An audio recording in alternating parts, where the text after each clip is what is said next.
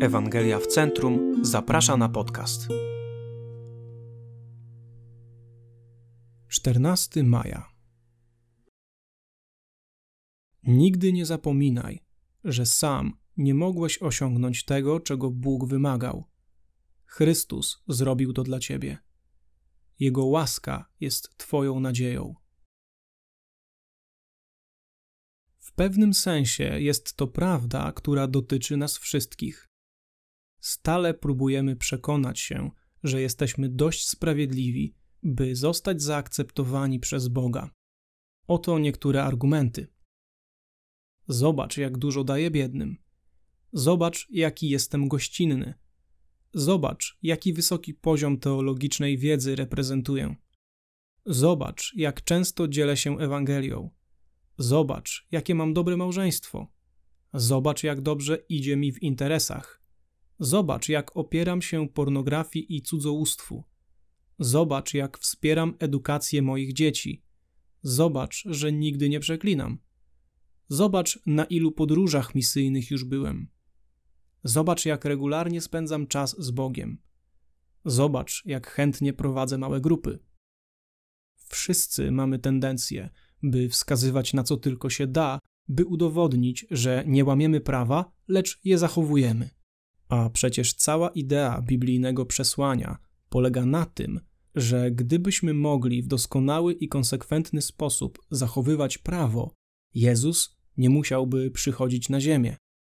Smutna prawda jest taka, że nikt z nas sam w sobie nie jest sprawiedliwy. Nikt z nas nie spełnia wymagań. Nikt z nas nie ma możliwości przestrzegać prawa na tyle konsekwentnie, by zostać przyjętym przez całkowicie świętego Boga. Jezus musiał przyjść i żyć w taki sposób, w jaki nikt z nas nie potrafił. Musiał umrzeć śmiercią, na którą wszyscy zasłużyliśmy, i powstać z grobu, pokonując grzech i śmierć.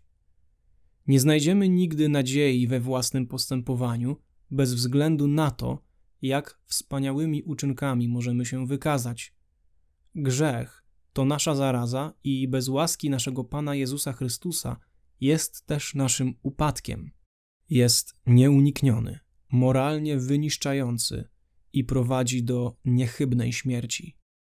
Porzuć więc nadzieję we własną sprawiedliwość. Porzuć złudzenie, że jakimś sposobem dasz radę sprostać oczekiwaniom. Biegnij tam, gdzie można znaleźć nadzieję i rzuć się dzisiaj na nowo w łaskę Jezusa.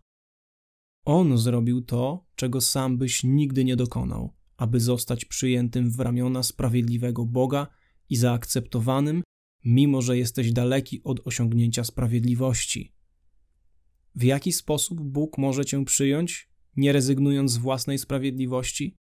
Może to zrobić, ponieważ sprawiedliwość Chrystusa została przelana na Twoje moralne konto. To się nazywa niezwykła łaska. Dalsze rozważania i zachęta. List do Hebrajczyków 2, 10, 18.